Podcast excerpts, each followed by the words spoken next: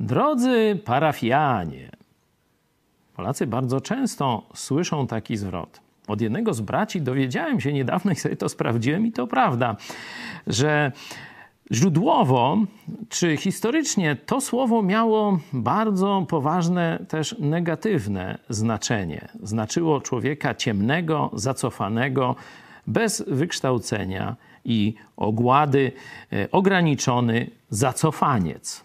Hmm, pomyślałem sobie, że rzeczywiście to dość dobrze pasuje do takiego feudalnego obrazu katolicyzmu, gdzie jest ciemny lud, owieczki, stado baranów, by e, lepiej to można ująć i e, no, taki przedstawiciel Boga czy wielkiego świata, Rzymu, który jest na naszej wiosce nie? i on tych dzikusów oświeca. Nie?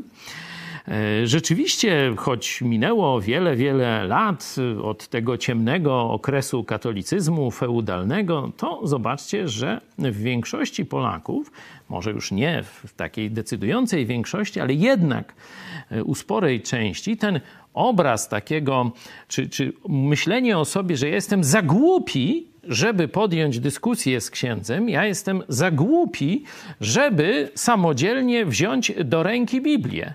Zobaczcie, że dalej pokutuje. Czy drodzy parafianie, czyli drodzy zacofańcy, drogie ciemniaki, bo tak można by to powiedzieć, ciągle w naszym społeczeństwie niestety jest żywe i ludzie boją się wziąć samodzielnie Biblii do ręki. No, można tyle powiedzieć. Jeśli tego nie zrobisz, jeśli nie weźmiesz samodzielnie Biblii, czyli słowa Jezusa do ciebie skierowanego, nie przeczytasz samodzielnie, będziesz zacofańcem,